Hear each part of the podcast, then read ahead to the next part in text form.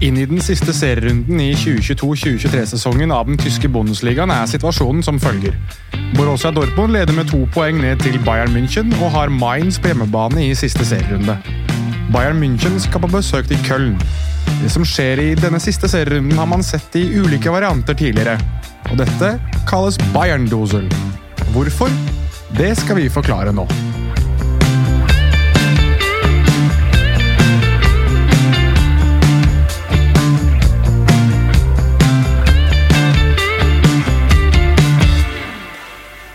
Det er nemlig slik at Main styrer inn til ledelse etter scoring av vår egen Andreas Hanke Olsen.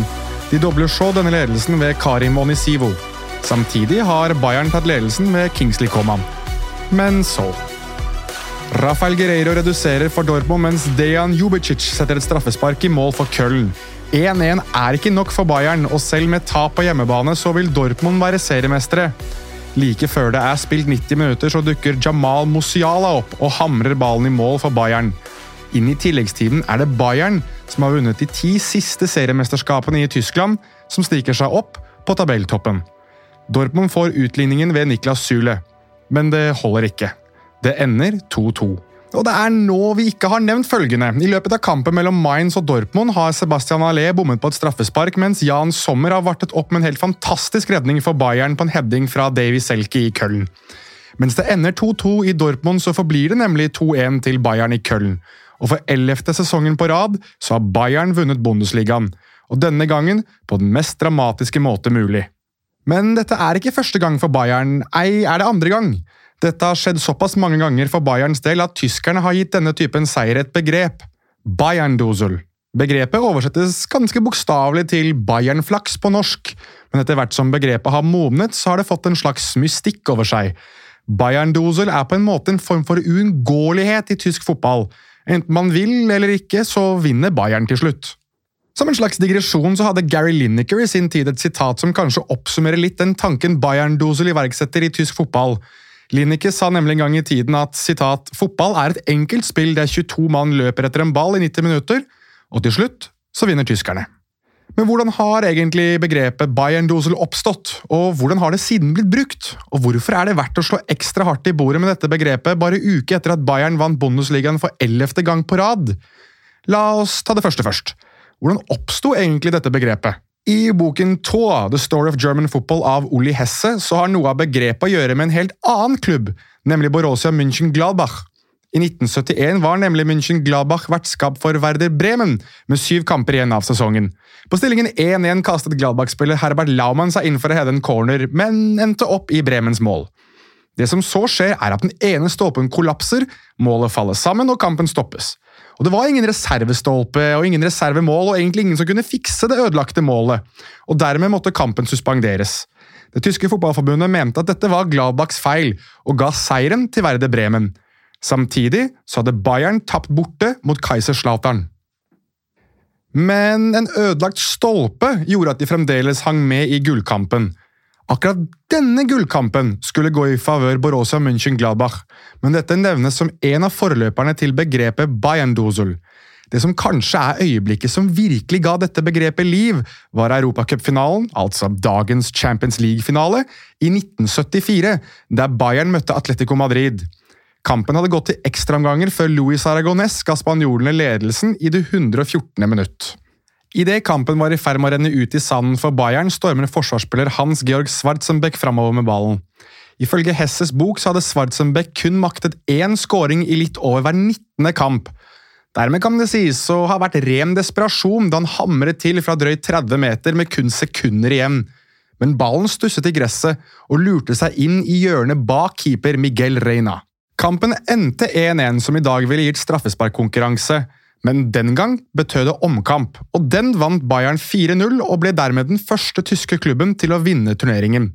Der Eintracht Frankfurt hadde tapt finalen i 1960, og der Borussia München-Gladbach hadde falt i åttedelsfinalen på straffer mot Everton i 1971, og etter kontrovers mot Inter i 1972, så hadde Bayern med et desperat skudd fra en målfattig stopper sikret seg tittelen.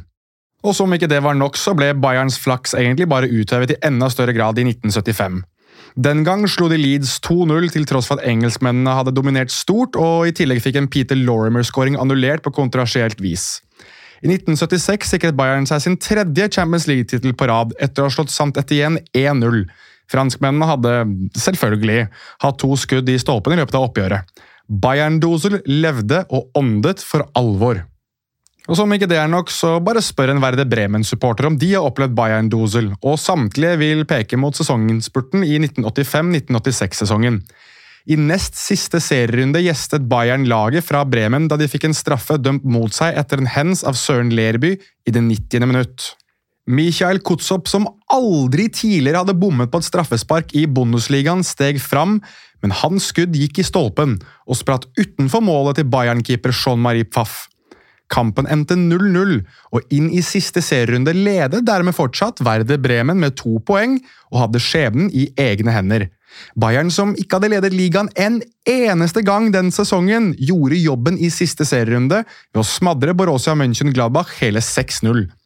Werder Bremen på sin side gjestet Stuttgart, et lag de hadde slått 6-0 tidligere i sesongen men Bayern-Dosel var for alvor i spill da Stuttgart sikret seg 2-1-seieren. Den gangen ble det delt ut to poeng per seier, og dermed steg Bayern opp på samme antall poeng som Bremen, som hadde ledet ligaen i hele 32 av 34 serierunder. Likevel, målforskjellen var i stor favør Bayern, som dermed kunne juble for topplassering for første gang denne sesongen, og dermed også ligatittel. Men trodde du det var virkelig den store Bayern-Dusel-happeningen, så kan jeg ta dere med inn i serieavslutningen i 2000-2001-sesongen av Bundesligaen, der Bayern og Schalke 04 begge gikk inn i siste serierunde med muligheten til å bli seriemester. Bayern hadde vunnet de to foregående titlene, men Schalke hadde vunnet både hjemme- og borteoppgjøret mot Bayern den sesongen. Og for å ta litt kontekst, i nest siste serierunde gikk Schalke inn som ligaleder, men med Bayern hakk i hæl. I det 90. minutt skulle alt snus på hodet.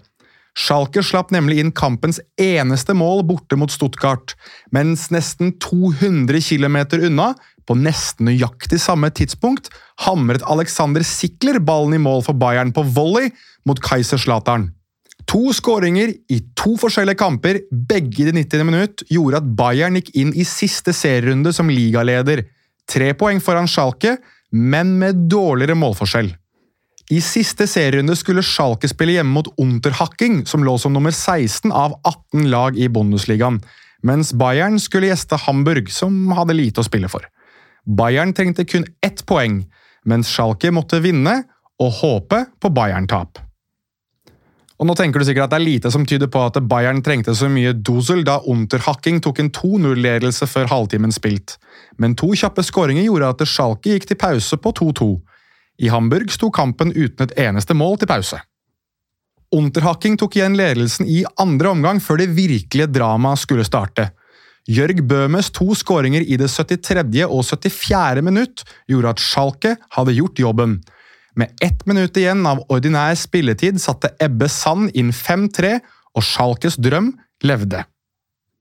Og så begynte ting å skje i Hamburg.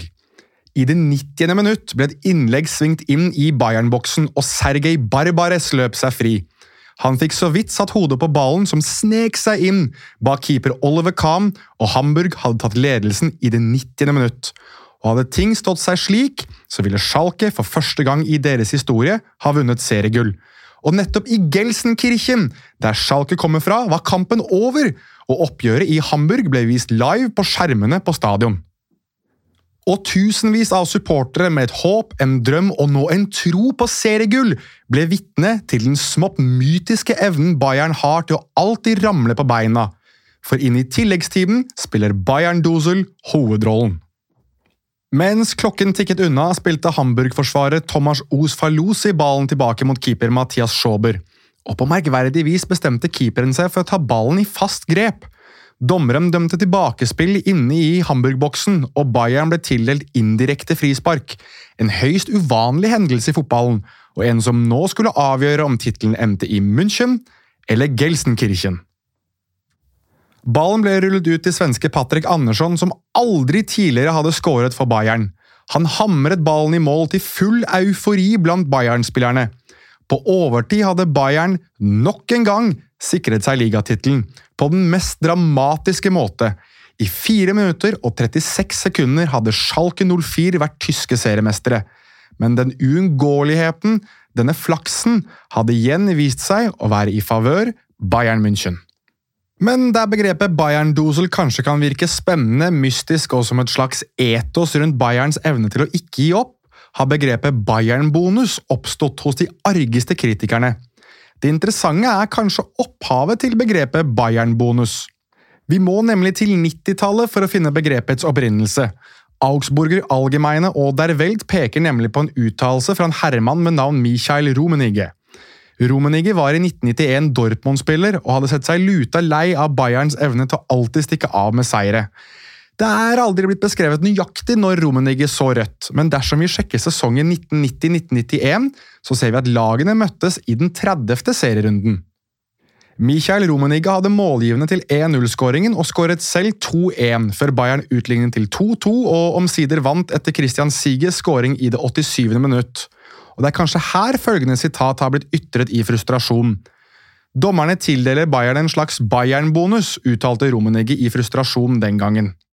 Det interessante her Michael Romenigge er lillebroren til Carl Heinz Romenigge. Og hva er så spesielt med det? Vel, Carl Heinz Romenigge spilte for Bayern München i 1974 og 1975, da begrepet Bayern-dosel virkelig fikk sitt liv. Han var også en av klubbens visepresidenter da de vant den dramatiske serieavslutningen mot Schalke i 2001. Dermed spiller brødrene Romenig en stor rolle i forklaringen av egentlig begge begrepene, både Bayern-dosel og Bayern-bonus. Men la oss sette til side digresjonen her. Begrepet Bayern-bonus forklarer kanskje seg selv, men for sikkerhets skyld. Bayern-bonus brukes som en hån mot Bayern, og foreslår at Bayern gjerne får noen fordeler, eventuelt bonuser, rett og slett fordi de er Bayern München. Og dette har faktisk gått så langt at det har blitt gjort flere akademiske studier på om Bayern bare har flaks, eller om de får noen fordeler. I april 2016 publiserte økonomiprofessor ved Frankfurt School of Finance and Management, Eberhard Fess, sin teori om fenomenet som hadde preget tysk fotball i flere tiår. Overskriften på hans konklusjon, publisert hos Deutschlandfunk Nova og også omtalt av andre Sport1, viser Fess at det potensielt er grunnlag for kritikk. I studien skal han ha tatt for seg avgjørelser som stammer helt tilbake til 2000-2001-sesongen og fram til 2013-2014-sesongen, da man begynte å samle inn data og delte dem inn i kategorier – riktige, tvilsomme og gale avgjørelser.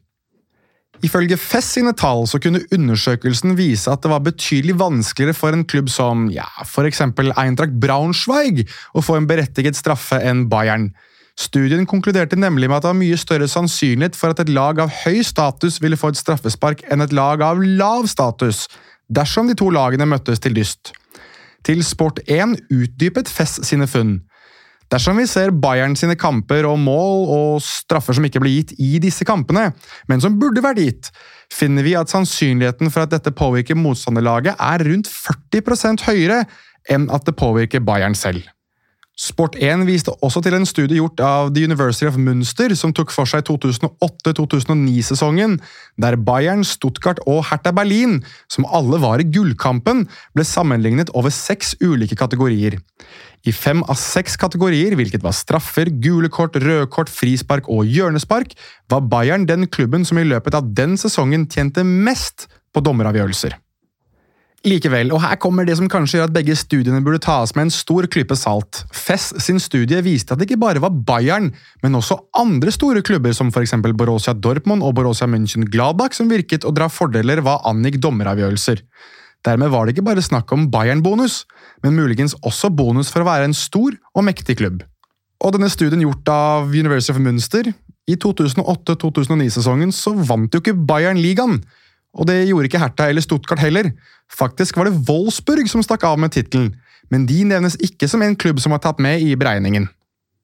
Dermed er det nok litt opp til hver enkelt om man ønsker å kalle dette Bayern-dosel eller Bayern-bonus. Aktørene selv har hatt et litt varierende forhold til selve begrepet. For noen så kan det kanskje sammenlignes litt med hva Fergie-time betød for Manchester United-supportere under sir Alex Fergusons tid. For andre så er det nesten en hån mot gode prestasjoner. For eksempel, Bastian Schweinsteiger uttalte at Bayern-Dosel var tilbake igjen etter en seier sent i et oppgjør under Louis van Hals tid som Bayern-trener i 2009-2010-sesongen, og han gjorde det i fornøyelige ordelag. En annen interessant herremann, nemlig Liverpools nye sportssjef Jørg Schmatke, sa i sin tid at mot Bayern får man en følelse av at man er stilt overfor flere situasjoner enn man kanskje er. Dette sa han da han var sportssjef i Köln.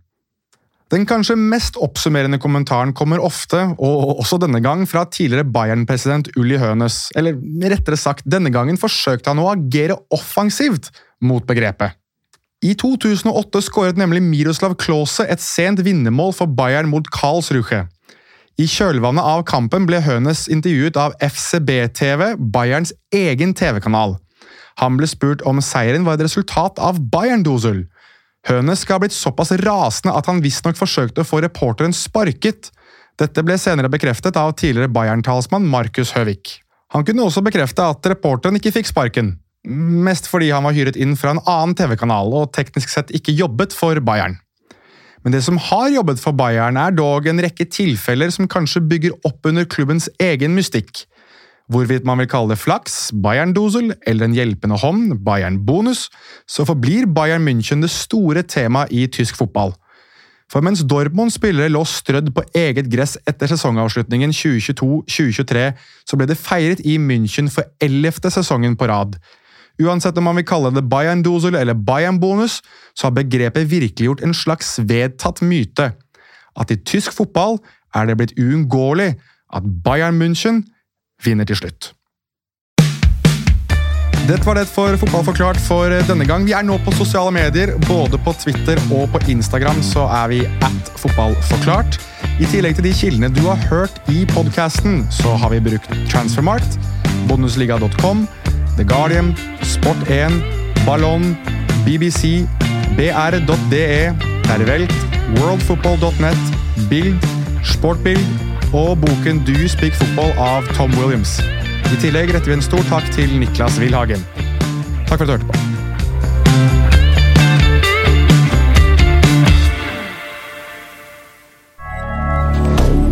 Moderne media.